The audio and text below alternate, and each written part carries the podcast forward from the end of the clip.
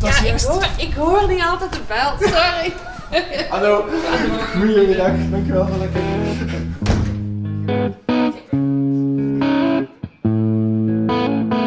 Ben Wim Oosterlink. Welkom bij de podcast Drie Boeken, waarin ik boekenliefhebbers vraag naar de drie boeken die wij volgens hen moeten gelezen hebben.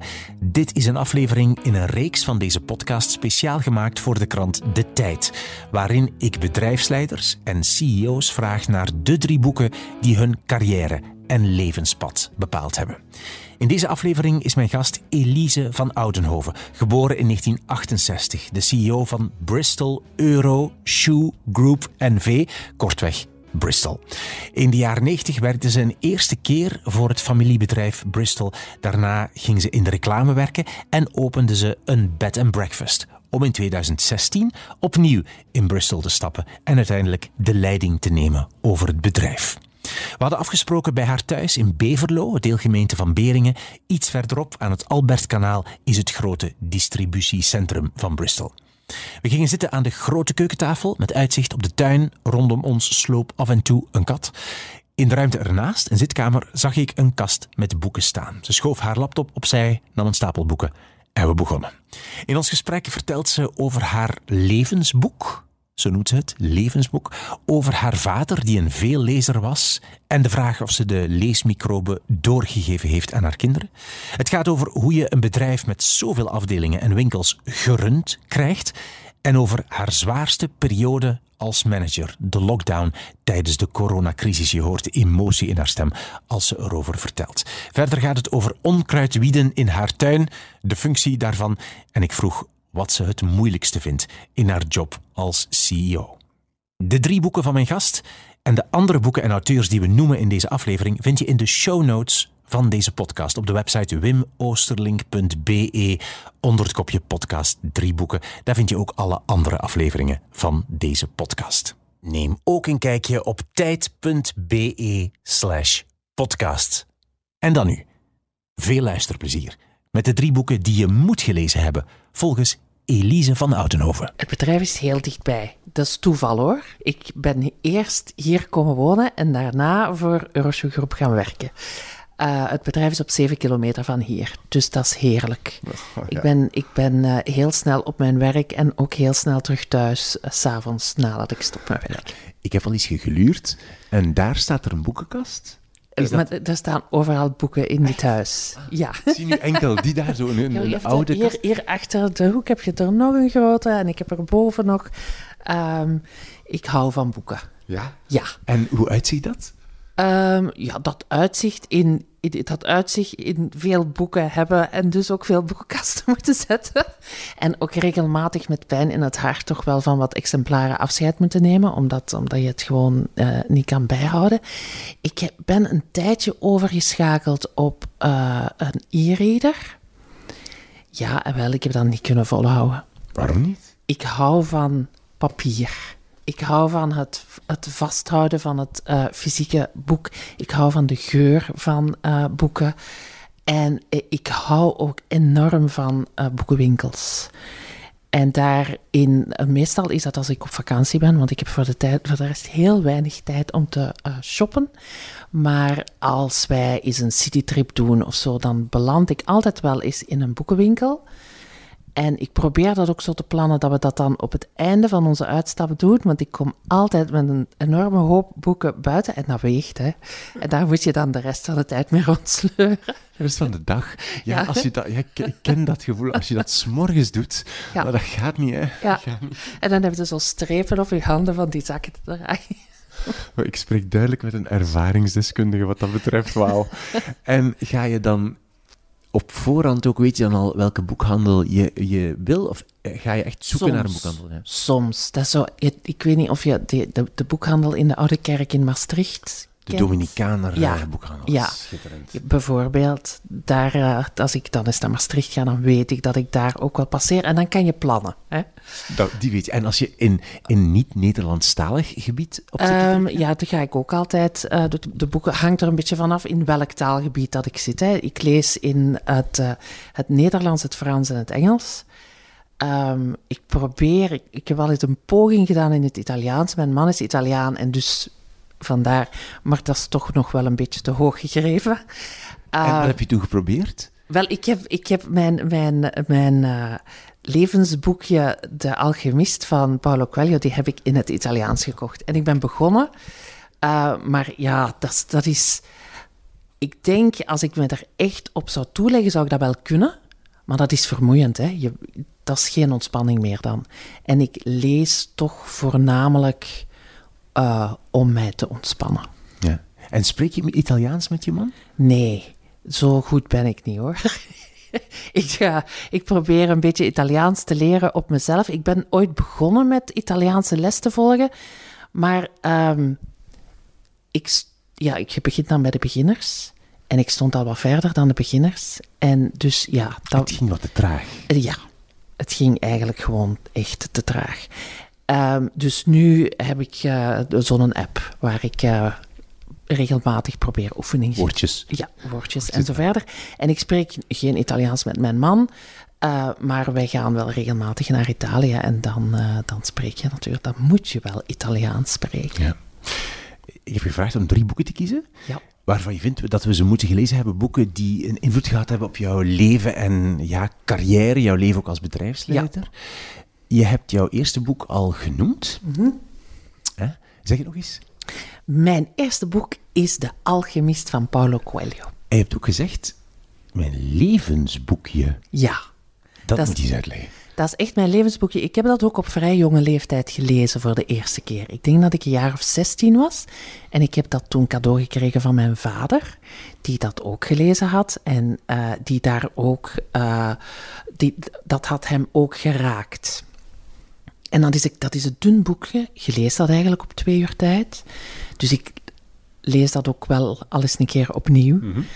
Ehm, en dat boekje, dat was voor mij toch, dat was een beetje thuiskomen. Eh, dat gaat over het vinden van je eigen legende. Ik weet niet of jij het gelezen hebt, maar dat gaat over het vinden van je eigen legende. En ook over ehm, toch wel in verbinding staan met, eh, met je omgeving, met het universum, hoe je het ook wil eh, noemen.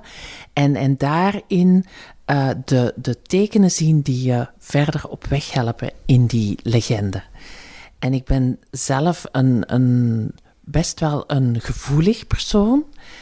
Ehm, ik- ben ook iemand waarvoor zingeving heel belangrijk is. Dus ik vraag mij regelmatig af wat de zin van het leven is. Wat toen nee. Ja. ik heb daar nog altijd geen antwoord op gevonden. Maar eh, in ieder Dat was geval... mijn volgende vraag. In ieder geval, zingeving is heel belangrijk. En dat is ook iets wat ik, wat ik bij mezelf regelmatig toets van... Is hetgene wat ik op dit moment aan het doen ben zinvol voor mij? En ik heb periodes in mijn leven gehad dat dat niet zo was. En toen was ik ook heel ongelukkig.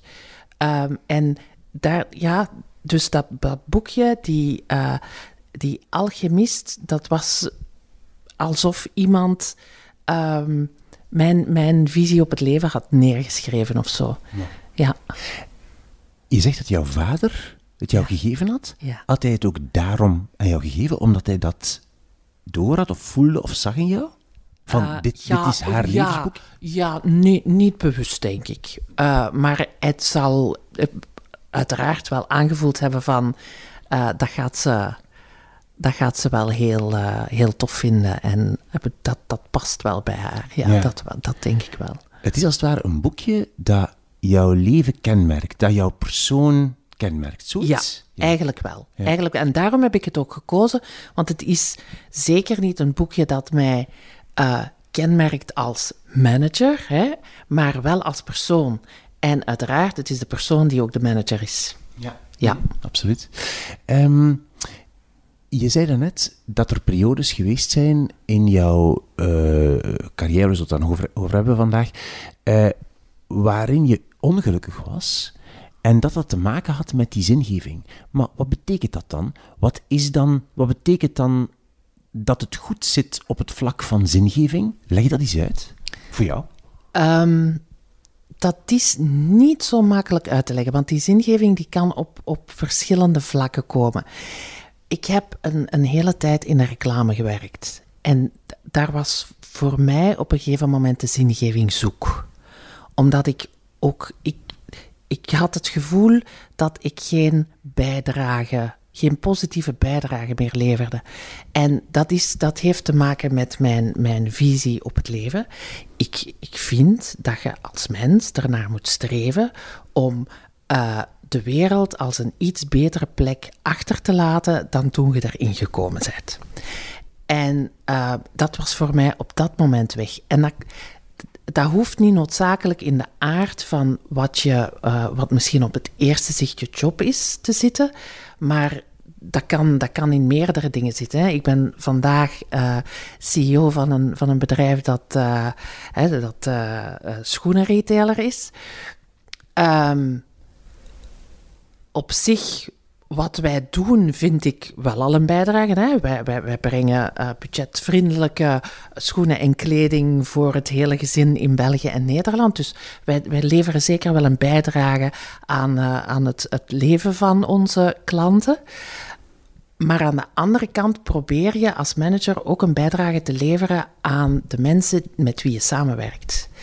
En ja, dat was op, op een gegeven moment een beetje zoek. Dus en, wat zegt bij die reclame, in de reclame ja, op, was op dat, dat moment was dat zoek. Dat was zoek omwille van de rol die ik binnen het bureau speelde, omwille van de business die niet, uh, die, waar ik niet echt mee accordeerde. En uh, ja, dan word ik ongelukkig. Maar dan heb ik het ook, dan heb ik het roer ook omgegooid. Mm -hmm. ja, ja. Dus je moet het gevoel hebben, ik lever een bijdrage. Zowel aan de samenleving als aan de mensen met wie ik samenwerk. Uh, ja, of, of, of aan een van de twee. Hè. En ik doe vooral, eh, ik, ik, ik doe vooral geen afbreuk aan die mensen en aan die samenleving. Ja, moet op zijn minst een status quo zijn.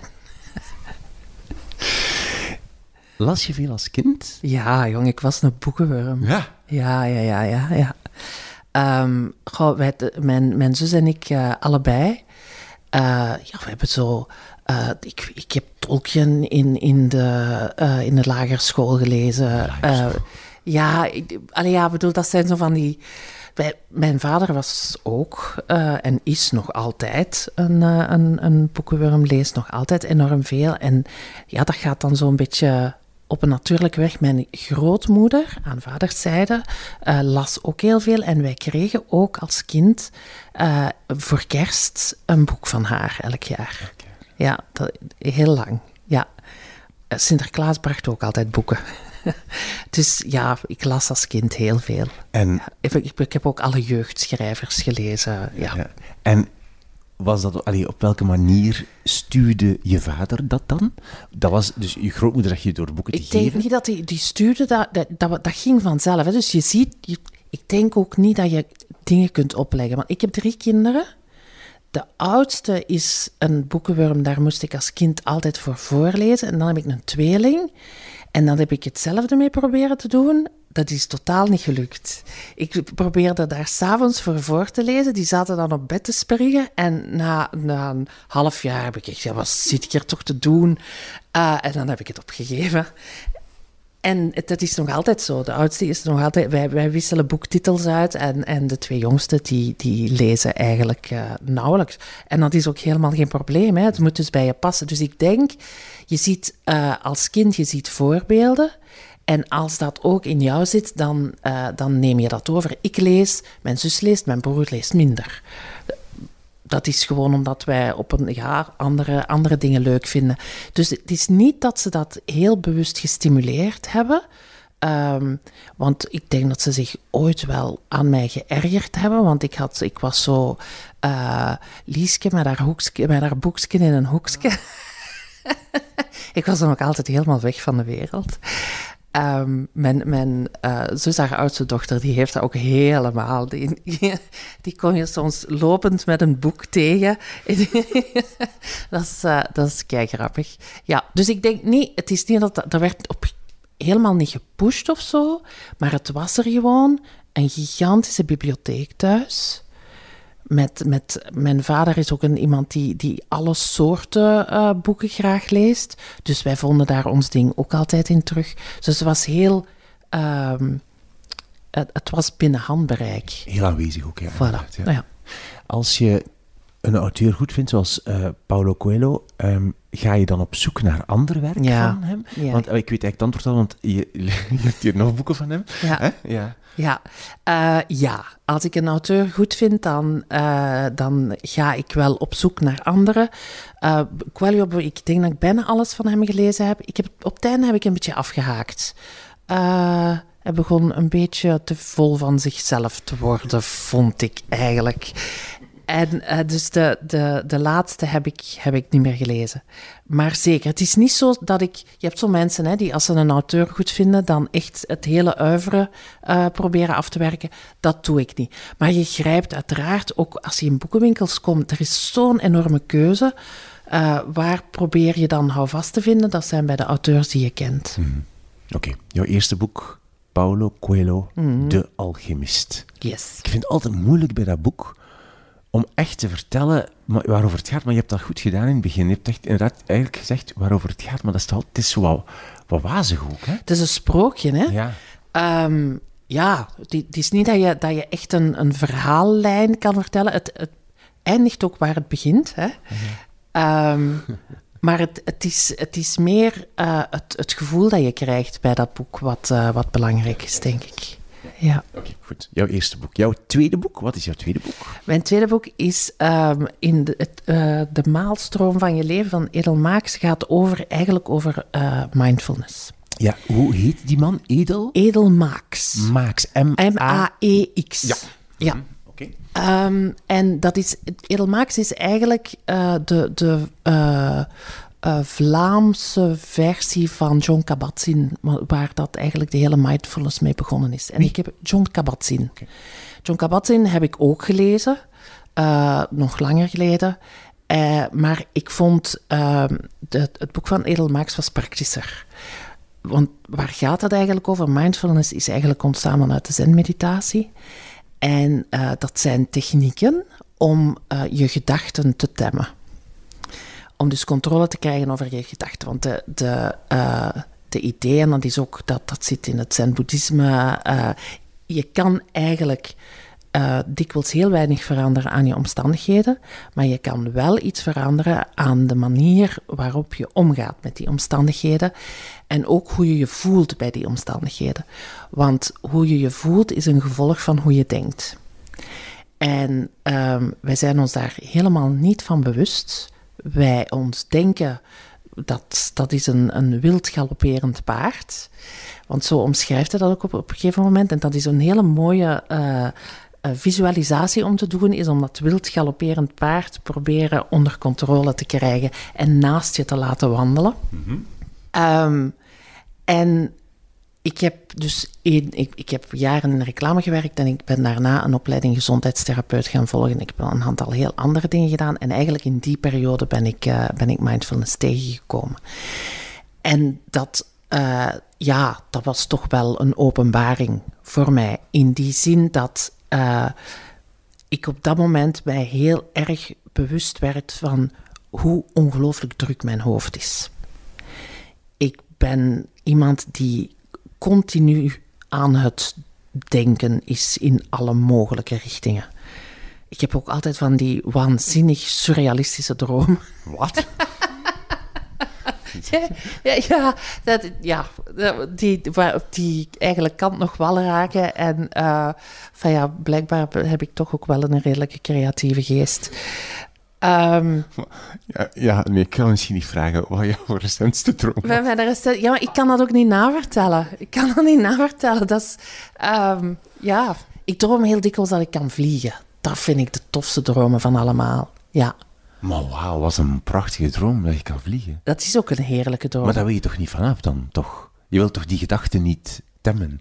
Nee, nee, nee, want dat, dat, nee, Nee. daar gaat het niet om. het gaat eigenlijk, het is, de goede gedachten, die wil je niet temmen. Het gepieker wil je temmen. En eh, daarbij helpt mindfulness. Bovendien, ehm, ik heb gezegd, ik ben iemand die, die heel gevoelig is voor haar omgeving en ik, ik pik dingen op van mensen. Ehm, als iemand heel nerveus is en die komt naast mij zitten, dan, dan komt dat gevoel over. En vroeger zou ik daar dan van alles bij beginnen denken.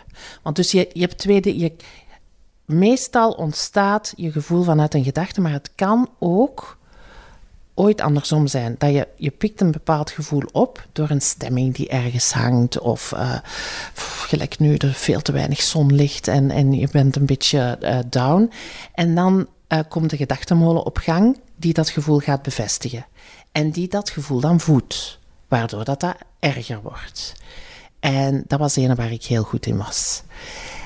En eigenlijk heeft uh, uh, mindfulness mij geholpen om dat in te zien en ook om daar beter mee om te gaan, zodanig dat ik daar minder last van heb.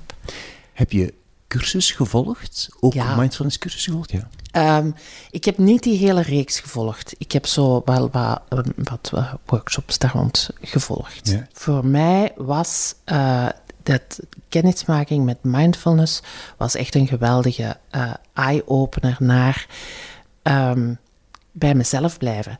En misschien de link naar het manager zijn, hè, want het is misschien niet, toch niet zo uh, evident. Maar je, um, je komt als, als manager in zeer stressvolle situaties. Uh, je um, hebt dikwijls toch met heel veel emoties te doen ook, van andere mensen uh, en zo verder enzovoort. Dus eigenlijk wordt je, je, je denken en ook je emotionele uh, zijn wordt toch wel behoorlijk belaagd. En dan helpen die technieken om je daar niet door mee te laten nemen. En een van de dingen die ik bijvoorbeeld uh, heerlijk vind om te doen, is mindful wieden. Ik heb mindful wieden. Wieden? Wieden. Ja, okay. zoals, in, in zoals in onkruid uittrekken. En is het, is het dat? Nee, het is iets. Jawel, ja, het is dat. dat. dus ik heb, ik heb een grote tuin. Hè? Ik kijk even. Inderdaad. Ja, ja, ja. Ik heb een heel, ik heb een heel grote tuin. En als... Veel onkruid. Heel veel onkruid, ja. Want met een grote tuin moet je leren van onkruid houden. of, of anders je blauw betalen aan het onderhoud. En daar heb ik ook geen zin in. Ik, ik ben een heel grote liefhebber van, uh, van de natuur. En zover dus mijn tuin is ook mijn rust. En ik... Um, dat is voor mij meditatie. Dat is dan buiten gaan en heel rustig, zonder dat er uh, zonder dat er een uh, druk achter zit van ik moet nu zoveel gedaan hebben of zoveel gedaan hebben, is het wieden. Onkruid wegnemen. En dat, dat staat dan ook een beetje, um, dat is dan uh, symbool voor mijn hoofd leegmaken. En je, je, je concentreert je op wat, dat, wat je aan het doen bent. En dat helpt. Na een drukke en stressvolle dag helpt dat om terug op de grond te komen en uh, ja, terug rustig te worden ook. Ja. En kan het kwaad als je dan, als je gedachten dan toch terug naar je werk gaan? Nee, dat is niet zo erg. Je laat je gedachten een beetje waaien. En uh, die gaan terug naar dat werk, maar je neemt die elke keer weer terug. Dat is, dat is mindfulness, hè? want je moet jezelf geen blazenwijs maken. Uh, twintig minuten aan een stuk gewoon op je ademhaling letten. Ik denk dat die misschien die monniken in uh, Tibet dat kunnen, maar wij kunnen dat niet. Oh, ik heb zo ooit een, uh, dat was geweldig. Ik heb ooit een uh, yoga weekend in, in Hui in het boeddhistisch centrum gedaan. En dan deden we dus meditaties. Op zeven uur s morgens zat ik dan op een meditatiekussen in zo'n zaal met, met, een heel deel ander. En van voor zit daar dan een monnik en die slaat op een gong. Boing. So now we meditate on compassion. En dat werd dan stil. En na drie minuten was ik gaan denken, oh my god, mijn teen begint te slapen. En dan, na vijf minuten, begin je rugpijn te doen. En dan doe je zo stilletjes één oog open. En je denkt, die zitten allemaal stil en je durft niet bewegen. Dat was vreselijk. Dat was echt, een marteling. En dan dus na twintig minuten, boing. En dan mocht het bewegen, yes, eindelijk. En dan zo dertig seconden later, terug, boing. En now we meditate. Dat, dat, dat, was, dat was dan voor, voor zwaar, zwaar gevorderden of zo? Hoe moet ik me dat voorstellen? Ja, dat was eigenlijk gewoon voor zwaar gevorderden. Ehm, en ik denk dat ik was zeker niet de enige in die zaal die daar last van had. Ehm, maar dat zijn, dat, dat zijn wel heel mooie en waardevolle ervaringen, omdat je dan ook beseft hoe weinig controle dat je over je denken hebt en, en uh, ja, hoe moeilijk dat je lijf begint te doen als dat, uh, als dat even in, in een bepaalde positie moet zitten en zo verder. Ja. ja, ja. ja. Um, jij bent, um, je hebt al een stukje van verteld, maar je bent lang geleden in het familiebedrijf ooit begonnen. Ik denk mm -hmm. dat je eigenlijk twee keer gewerkt ja. hebt voor het bedrijf. Hoe weet je, dit is het goede moment? Dit is het goede moment om weg te gaan? Dit is het goede moment om terug te beginnen in een bedrijf? Dit is het goede moment om een um, bed and breakfast te starten? Oh, eigenlijk weet je dat niet, nooit echt zeker. Hè? Um, maar in de keuzes die ik maak in mijn leven, ja, moet ik zeggen, volg ik toch voor een heel groot stuk mijn gevoel. En uh, als het juist voelt, dan, uh, dan durf ik ook wel springen. En uh, het is zo dat ik wel al een paar keer behoorlijk wat veranderingen heb uh, aangebracht in mijn leven. En hoe meer je dat doet, hoe makkelijker dat, dat wordt. Uh, omdat je in, vooral in het begin heb je, ben je heel bang voor wat de gevolgen gaan zijn en hoe dat iedereen erover gaat denken en spreken en zo verder. En naarmate dat je ouder wordt ook en, en al wat meer dingen gezien hebt, gaat het makkelijker. En voor mij is. Um, ik probeer mij dan altijd. Je hebt altijd keuzes, hè? En um, ik probeer mij dan altijd in te leven in de ene keuze en in de andere en na te gaan van hoe voel ik mij daarbij. En dan kies ik. Mm -hmm. Ja, dat is, dat is misschien, ja, nee, ik maak ook geen lijstjes of zo. Of, uh. en ik moet zeggen, ik heb, uh, ik, pas op, hè, ik heb er wel een hele tijd over gedaan, alvorens ik beslist heb om terug in het operationele in te stappen. Omdat natuurlijk, ik had, ik had een B&B, uh, ik had mijn uh, pilates- en uh, yoga-cursussen. Ik had hier bijna 150 cursisten die hier kwamen. Dus ik, ik had echt wel iets opgebouwd hier. En ik ging dat moeten loslaten. Dus dat, dat, dat was echt een keuze. En um, waar, waarbij ik helemaal niet wist van... Ja, ik denk wel dat ik dat ga kunnen, maar je weet dat niet zeker. En waarbij je ook helemaal niet weet van uh, wat gaat het mij allemaal brengen. Had ik het allemaal op voorhand geweten, had ik het misschien niet gedaan. nee, dat is niet waar. Maar, um, dus ik, heb, ik, ik ben daar wel een tijdje mee bezig geweest. En, uh, maar dan, als ik spring, dan kijk ik ook niet meer achterom ik blijf wel in het moment in die zin dat uh, een check die ik regelmatig doe bij mezelf is: ben ik nog, uh, word ik nog blij van de dingen die ik doe? En natuurlijk word je niet elke dag blij van de dingen die je doet. Hè? Want je moet uiteraard, ik bedoel zeker in de job die ik nu doe, moet je regelmatig moeilijke beslissingen nemen, uh, niet zo aangename gesprekken voeren en zo verder enzovoort. Dus het, het is dikwijls ook heel stressvol. Het is zeker niet altijd aangenaam, maar uiteindelijk blijft er wel altijd een bepaald gevoel over van dit is, het is zinvol wat, wat ik aan het doen ben. Um, voor mij is qua, qua zingeving zit het helemaal goed op dit moment. Ik weet waarvoor ik aan het vechten ben. En ik doe dat met een, een, een groep heerlijke mensen. Uh, ons, ons Bristol-team zijn echt ja, allemaal fantastische professionals, maar ook mensen met een heel groot hart voor het bedrijf. En daar, daar vecht je dan ook met plezier voor. En dat geeft, mij, dat geeft mij de energie. En het is ook omdat je ziet wat je in beweging gezet krijgt, dat je weet dat het goed zit. En dat je weet dat je op de juiste plaats zit. Mm-hmm.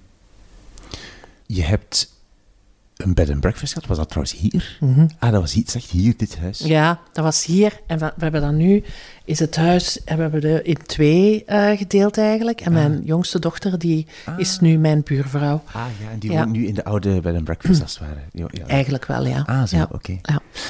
Uh, bed and breakfast, eh, je zegt die, die cursussen uh, die je gegeven hebt, ehm, dat zijn eigenlijk, zo'n bed and breakfast uitbaten is, iets, is natuurlijk een, een verantwoordelijkheid en een, een job, maar dat is vrij klein qua aantal mensen die, waar je de leiding over hebt, denk ik. Hè?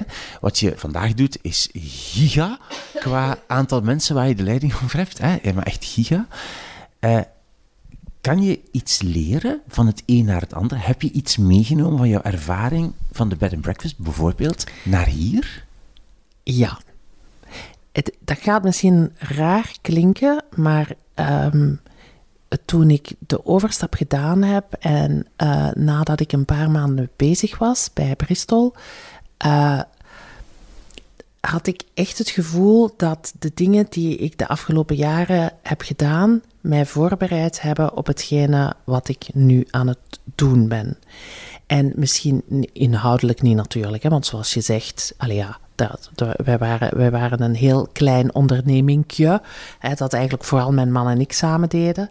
En uh, ik werk nu met een heel groot team en, en met een business die ongelooflijk complex is en zo verder enzovoort.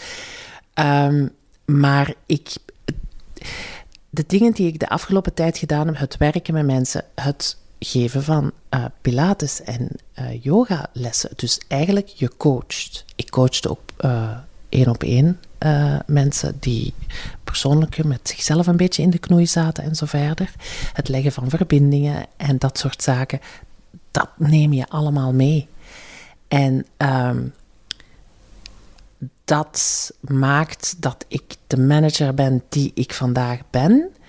En ik denk dat dat precies maakt dat ik heb kunnen uh, met dat bedrijf doen wat ik de afgelopen jaren gedaan heb. En dat is een, uh, eigenlijk toch wel een gigantische change teweeg brengen in de manier waarop dat zij uh, werkte.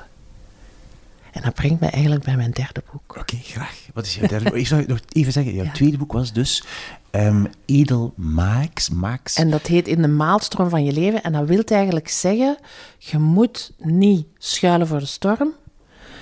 Je moet je kunnen handhaven midden in de storm. Oké, nog even een gigantische filosofische waarheid midden op het einde. Oké, goed. Jouw derde boek. Wat is jouw... Je bracht jou bij jouw derde Wel, Mijn derde boek is eigenlijk het... het, uh, het ik heb eerst de, de schrijver leren kennen. Je luistert naar drie boeken met Elise van Oudenhoven. Even onderbreken. Je hoort het vervolg zo meteen.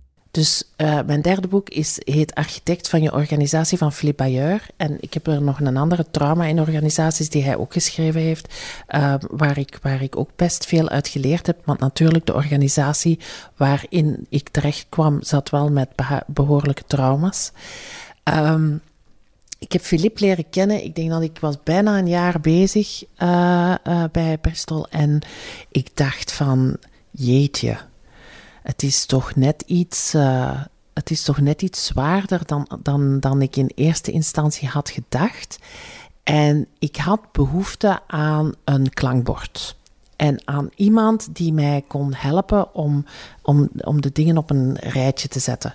Want ja, ik had wel heel veel, uh, um, heel veel goesting en heel veel goede bedoelingen. Maar je, je moet het ook nog kunnen realiseren, je moet dat kunnen overbrengen naar die teams en zo verder enzovoort. En um, dan ben ik op zoek gegaan naar een organisatiecoach. En zo terechtgekomen bij Philippe Bayeur. En wij hadden onmiddellijk een geweldige klik. Um, wij zijn allebei heel intuïtieve mensen. Um, en dus wij, wij, wij begrepen elkaar. En hij heeft ons dan, hij is dan in ons uh, bedrijf, is hij, uh, heeft hij een aantal projecten opgezet. Uh, we zijn gaan, gaan value stream mappen. Dat komt eigenlijk uit de lean-theorie, waarbij je de waardestromen binnen in het bedrijf in kaart brengt met alle verschillende stakeholders. Want dus waar had ehm, hadden wij als onderneming, zoals zoveel ondernemingen, last van? Zeker wanneer je van een heel um, hiërarchisch uh, geïnspireerde leiding komt, dat was van hokjesvorming. Dus je, alle afdelingen waren eigenlijk silo's die uh, veel te weinig met elkaar communiceerden, die wel hun processen binnen hun uh, silo probeerden te optimaliseren, maar daardoor krijg je op, op het vlak van de organisatie krijg je suboptimalisatie. Want wat dat misschien een optimalisatie is in de ene afdeling, brengt net een andere afdeling in de problemen. Dus zijn we gaan mappen.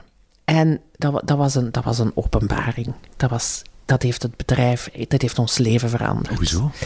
Omdat we uh, voor de eerste keer in de geschiedenis van het bedrijf gingen we eigenlijk vanuit de klant en vanuit de processen die, die uiteindelijk moeten dienen om de klant te servicen, um, gingen we met z'n allen bekijken wie daar allemaal een bijdrage aan levert.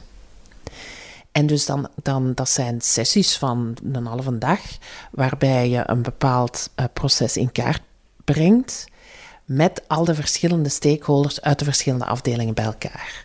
En dan, uh, dus, dus zij, Filip en, en zijn collega's zijn in eerste instantie komen faciliteren. En dan ga je na van, oké, wat is stap 1? En wie doet dat? En loopt dat goed of loopt dat niet goed? En zo verder en zo voort. En ja, daar, daar zijn ogen open gegaan. Dat, zo van, ah, oei, dat wist ik niet. Dat, dat als wij dat zo deden, dat dat voor jullie dan een probleem was. Kan je daar een voorbeeld van geven? Misschien zonder namen of afdelingen, maar gewoon dat, dat een, echt... een, een voorbeeld. Een voorbeeld was um, logistiek. Het ging dan over uh, de inbound, dus het binnenkomen van de artikelen. En waar dat bleek dat als uh, artikelen gepalletiseerd waren, of niet, hè, dus door de leverancier mooi op paletjes gestapeld waren, en dat dat een... Uh, qua workload ongeveer maal 10 was. Voor, voor de, de mensen logistiek. die het moesten Voor de mensen van logistiek.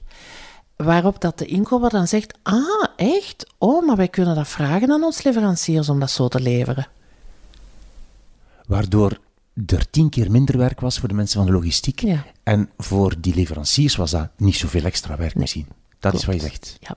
En dus natuurlijk, wow. inkoop moest dan wel gaan opvolgen dat die leveranciers en, en dat in hun bestellingen ook gaan onderhandelen, dat dat op die manier verpakt werd. Ja, dus... Dus dat ontdek je in zo'n sessie? Dat ontdek je in zo'n sessie. Of, uh, wat, dat, was, dat, dat, was echt een geweldig moment. Dat, dat ging niet, ik weet niet meer precies waar het over ging, maar het ging over informatie die van inkoop naar logistiek moest gaan. En dan de manier waarop en zo verder en zo voort. En er werd wat heen en weer van, ja, maar kunnen we dat zus of kunnen we dat zo?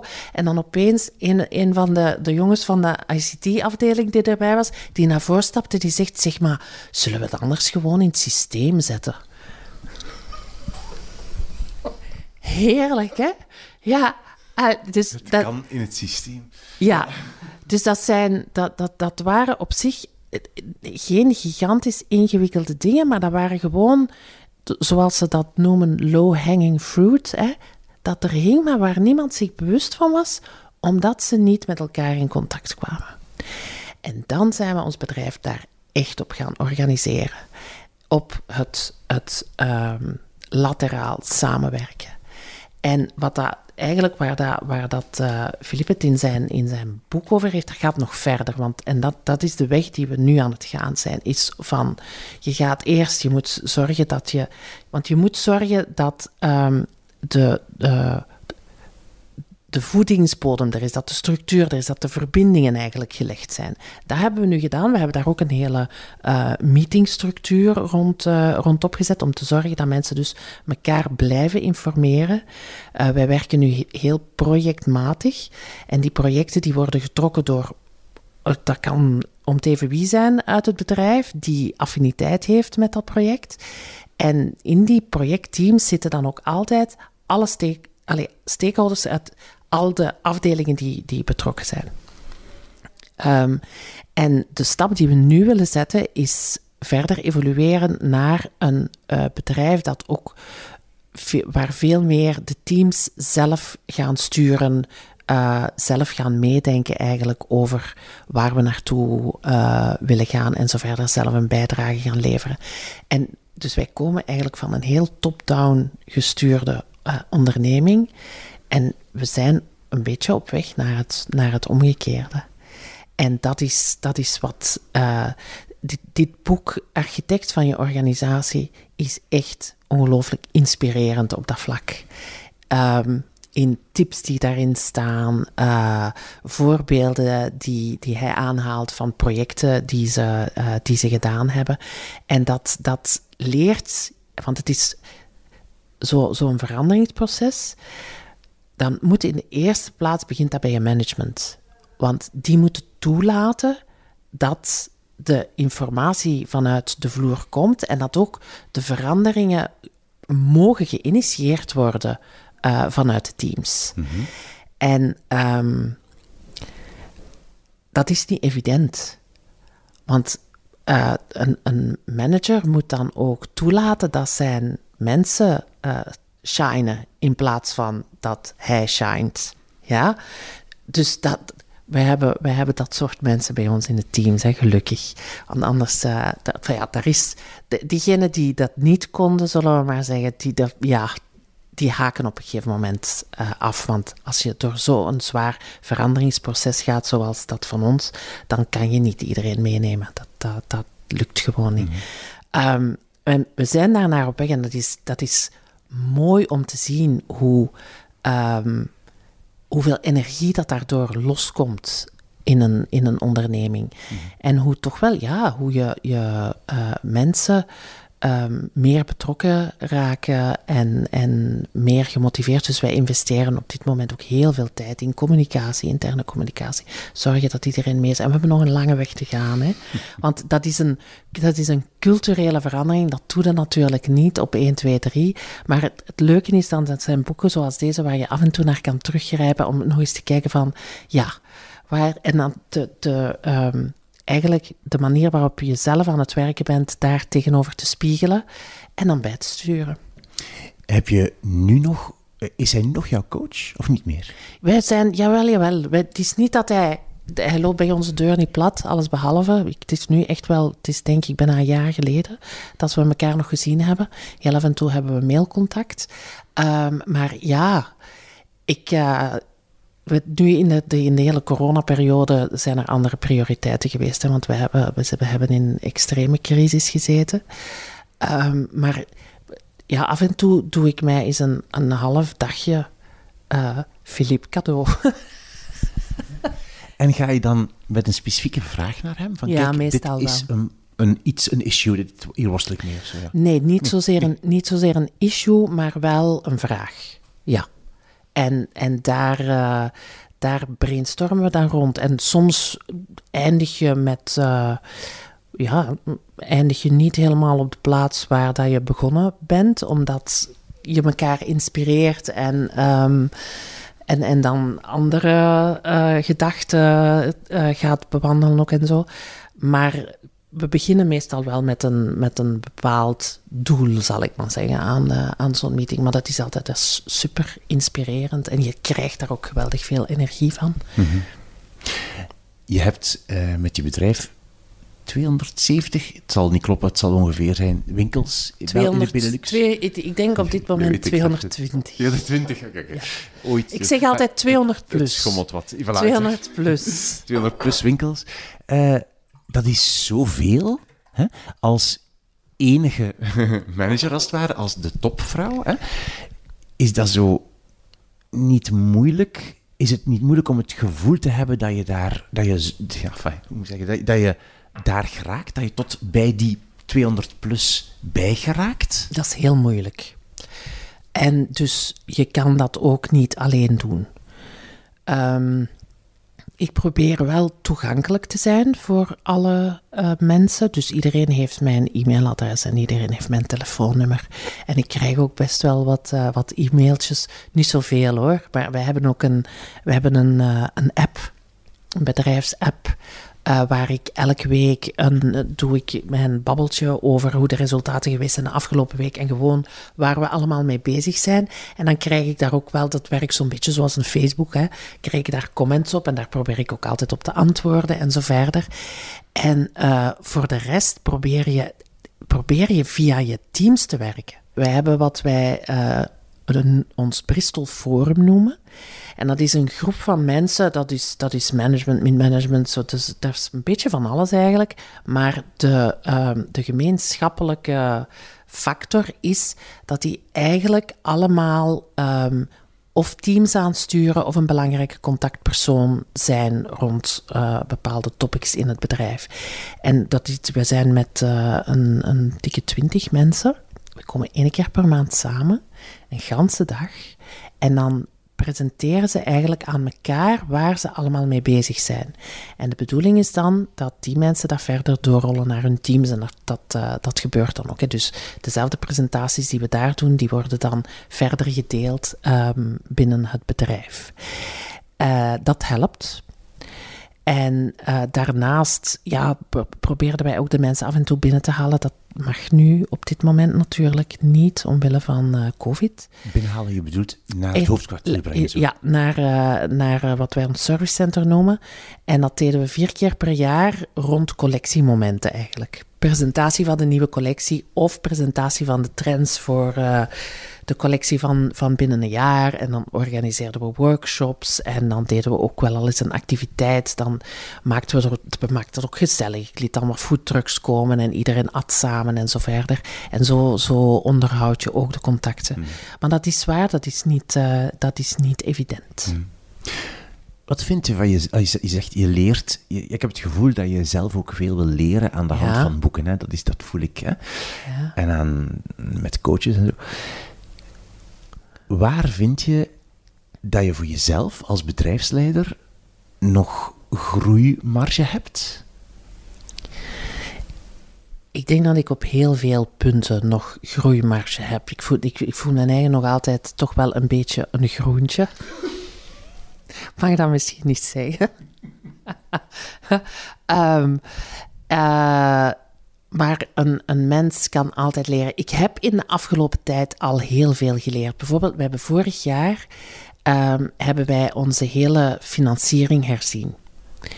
En, uh, en ook extra uh, financiering binnengehaald. Dat is een, voor mij een gigantisch spannende periode geweest. Ik ben toen maanden buiten mijn comfortzone geweest. Uh, dat was toen nodig voor de, door de coronacrisis? Dat die was, extra nodig om, dat was niet alleen nodig om door de coronacrisis te komen, maar we hebben eigenlijk na, toen, nadat corona uitgebroken is, hebben we eerst enorm crisismanagement moeten doen om te zorgen van waar gaan we met al die containers met goederen naartoe en zo verder enzovoort. En liquiditeitsproblemen onder controle krijgen. En dan zijn we begonnen aan een, aan een herstelplan. En eigenlijk die financiering was nodig om dat herstelplan uh, te financieren, om dat op gang te krijgen. Dus dat was superbelangrijk. Die, ja, dat was, dat was wel een beetje een kwestie van uh, leven of dood. Hè. Ik bedoel, we hadden dat geld nodig om, om eigenlijk dat plan in, in gang te kunnen duwen. En je zat midden in, de, in die, in die coronacrisis, um, in een business die echt door de banken, we zijn niet het, het zwart schaap, maar we zijn het gitzwarte schaap.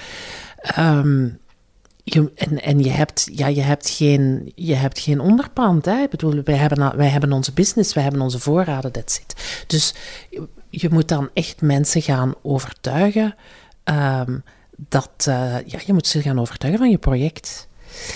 En um, dat, die level van onzekerheid, um, dat was echt best wel zwaar. Want als ik nu, want het is nu ook zwaar, maar dan um, denk ik af en toe van, denk aan vorig jaar. Toen was de deal bijna rond en toen moesten we terug in lockdown in België. En konden we eigenlijk helemaal terug opnieuw beginnen. En ja, toen, toen, toen wisten we eigenlijk niet van, hebben we nog een bedrijf volgend jaar? Want die deal moest rondgeraken. We hadden wel absoluut het vertrouwen dat dat ging lukken, maar je hebt, je hebt geen, uh, geen zekerheid. En misschien is dat wel het moeilijkste uh, aan mijn job, is de, de enorme onzekerheid waar je mee moet kunnen omgaan. En um, dat, daar gebruik ik mijn mindfulness regelmatig voor, ja. Omdat je, ja, je mag ook, je mag niet in twijfel terechtkomen.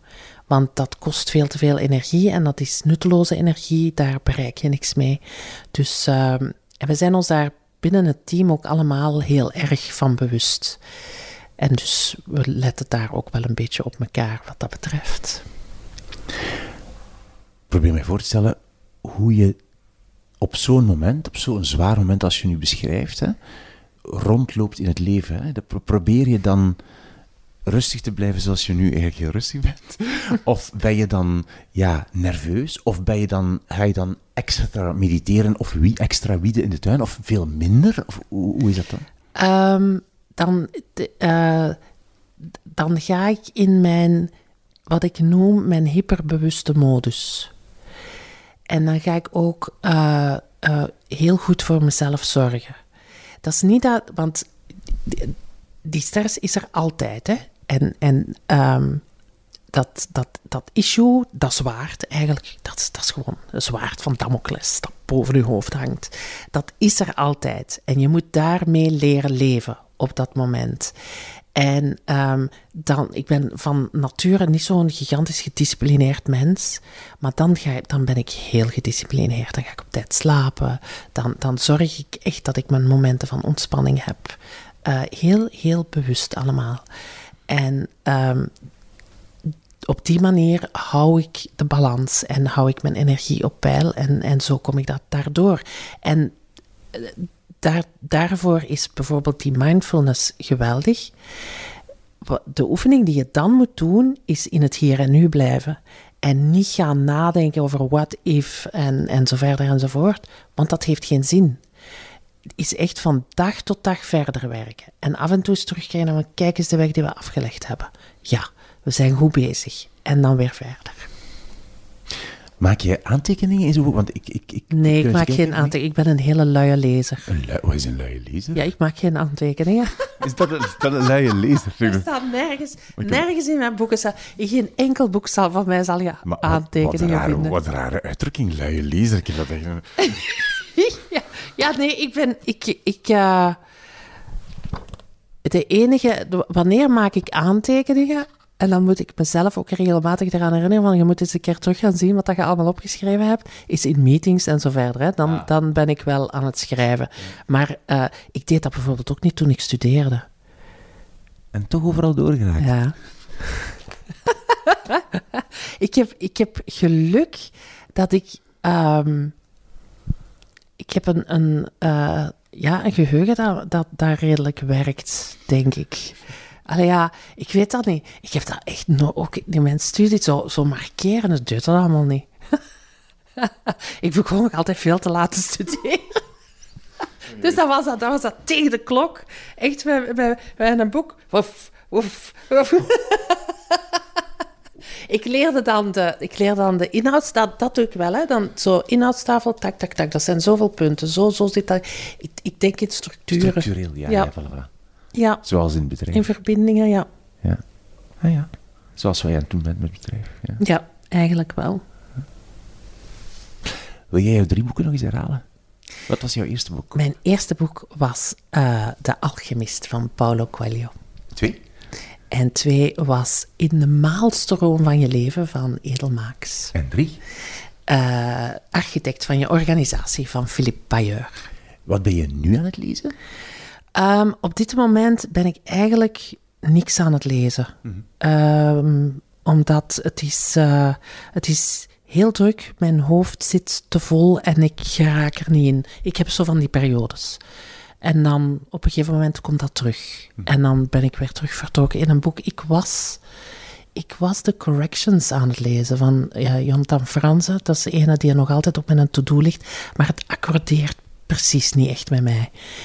En ja, dus, en dan ben ik, want ik ben wel zo, ik vind als je een boek begint, moet je die aan uitlezen.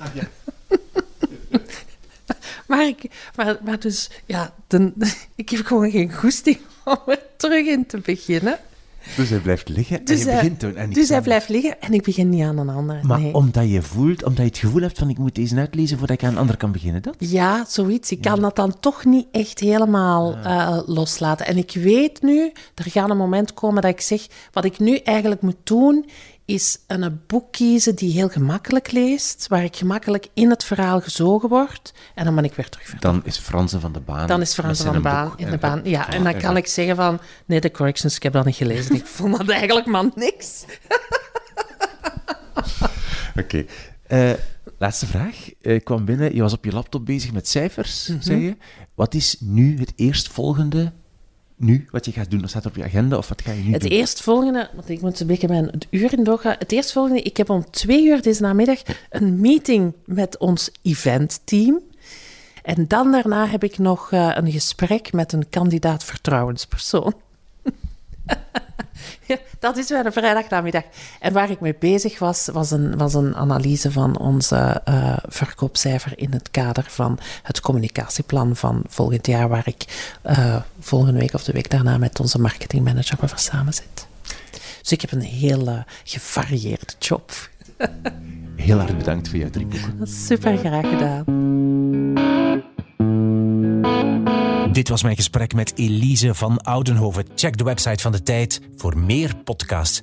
tijd.be slash podcast. En ga naar de website wimoosterlink.be voor de show notes bij deze aflevering. Daar vind je de drie gekozen boeken van Elise van Oudenhoven, alle andere boeken die we noemen en een foto van haar boekenkast thuis. Je vindt daar ook alle andere afleveringen van deze podcast.